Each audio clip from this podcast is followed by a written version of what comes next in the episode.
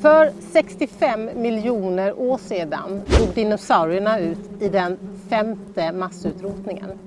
Och just nu så är vi med full fart på väg in i den sjätte massutrotningen. Denna gång orsakad av en enda art, människan. I kvällens 2022 så ska vi prata om biologisk mångfald.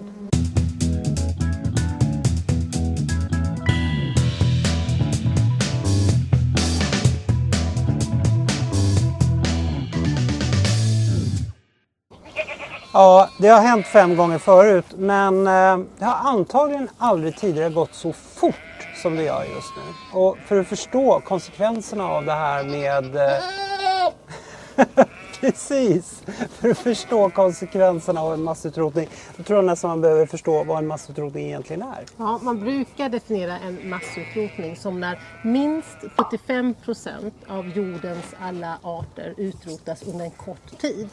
Och den senaste massutrotningen skedde som sagt på då... 65 miljoner år sedan ja, när, när dinosaurierna försvann. Precis. Men nu är vi väldigt nära en nästa. Ja, alltså forskarna säger idag att så mycket som en fjärdedel, 25 procent ungefär av alla arter är hotade. Det handlar om åtminstone en miljon arter som är på väg att försvinna. Om det fortsätter i den takt som det gör nu så om ungefär 45 år då kan vi räkna med att planeten varken har koraller kvar eller vilda ryggradsdjur. Ja, fast med den här viktiga detaljen att det går snabbare och snabbare. Den fortsätter ju inte i samma takt. Det är ett sluttande plan. Alltså, och det är ju det här som är så otroligt allvarligt. När man diskuterar just eh, biologisk mångfald så är det nog många som tänker på de rödlistade arterna, de utrotningshotade arterna. Det är jätteviktigt i sig.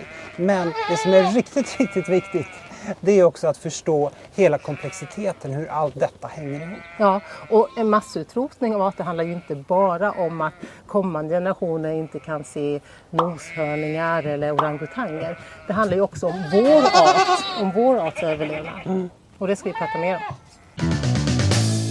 Och varför pratar vi om det här just idag då? Jo, det är nämligen som så att igår så presenterade kommissionen ett förslag på hur man vill uppdatera strategin för den biologiska mångfalden. Och det som är så roligt och bra med det här det är att det verkligen märks hur mycket av de här frågorna som vi gröna verkligen har kämpat för, texter som vi ville ska vara med, de har också kommit in. De är med och det ska bli handling också av alla de här orden. Och den här strategin det är ju en jättesatsning på den biologiska mångfalden i EU. Samtidigt, och det här är det lite geniala, det är ju också en skjuts för ekonomin. Mm, fantastiskt bra och viktigt för ekologi och ekonomi är ju egentligen samma sak och det hänger verkligen ihop. Vad det handlar om i grund och botten är ju att eh, förstärka och, och försvara och skydda alla de här ekosystemtjänsterna som vi är så beroende av.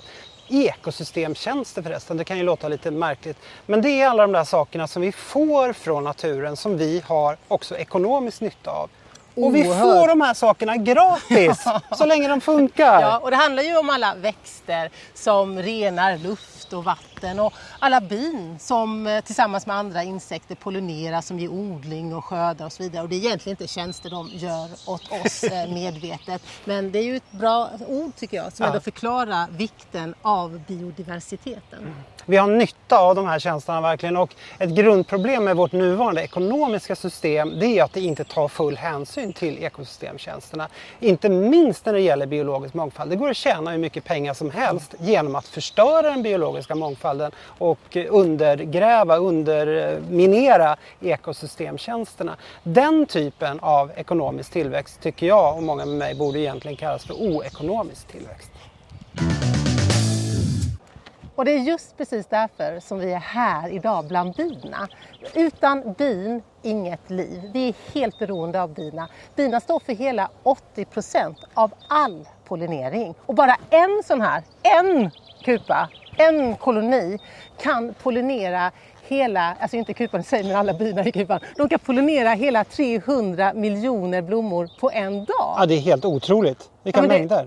Det, det, det, är ofattbart. Alltså utan bin, inga, inget kaffe, eh, inget vin, inget, inga blommor. Och det kommer vara otroligt svårt med djurfoder. Och det kommer bli så dyrt att producera om vi inte har bin. Att det vi ser av undernäring på vår planet idag, det kommer bli väldigt, väldigt mycket värre. Verkligen. Man skulle nästan kunna dra det så långt så att man säger att utan bin, inga människor. I alla fall nästan. De, de, är som en slags stor eh, global kanariefågel i eh, gruvan som man brukar säga, den stora varningen. Eh, och alltså det känns nästan som att när bina nu är på väg att utrotas och dö ut, att det är på sätt och vis den sista stora varningen som vi människor får. Ja. Att om vi inte skärper till oss nu, då är vi verkligen på väg åt samma håll vi också. Ja, men då, för det, och det är så. Eh, och det här har vi ju hört i flera år, men det är faktiskt så att de är utrotningshotade. Alltså bina hotas av eh, bekämpningsmedel, av den globala uppvärmningen, av eh, torka och av luftföroreningar. Och det här visar ju också på den, det stora och tydliga sambandet med, mellan biodiversitet och klimatförändringar. Men det är ju också därför det blir så tydligt att vi kan göra någonting åt det. Vi kan ju till exempel se till att vi förbjuder de farligaste bekämpningsmedlen nu. Verkligen. Och det här är så bra exempel också på hur komplext allting är när det mm. gäller liv på den här planeten. En sak som vi verkligen borde göra det är ju att skydda binas naturliga livsmiljö. Till exempel genom att satsa mycket, mycket mer på ekologiskt jordbruk. Alltså i, i, värsta fall då blir det nästan som det här avsnittet i, i Black Mirror, jag vet inte om du har sett det, men där, där, uppfinner man små, små robotbin som helt artificiellt då flyger omkring och pollinerar helt artificiellt. Är det dit vi vill? Nej, vi vill inte. Vi vill inte dit. Och det är därför vi nu ska ta den här chansen. Och den här strategin som kommissionen nu presenterar, den kan ju verkligen få en stor betydelse. Verkligen. Men då gäller det verkligen också att det inte bara blir en strategi, massa fina ord på papper. Utan nu måste vi gå från snack till verkstad nu, snabbt och ordentligt. Det får inte bli att det blir ytterligare tomma ord och massa människor som tycker en massa bra saker utan nu måste vi se en ordentlig grön omställning.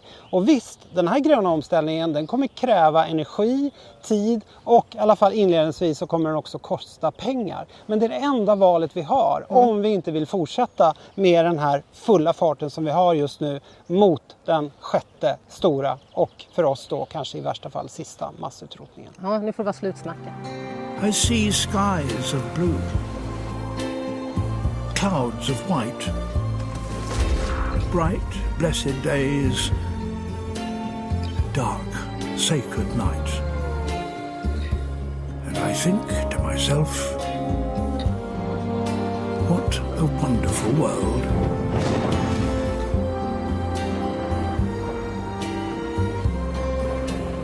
The colours of a rainbow, so pretty in the sky, are also on the faces of people going by. I see friends shaking hands, saying, how do you do? They're really saying, I love you. I hear babies cry. I watch them grow. They'll learn much more than I'll ever know. And I think to myself, what a wonderful world. quite simply wonderful.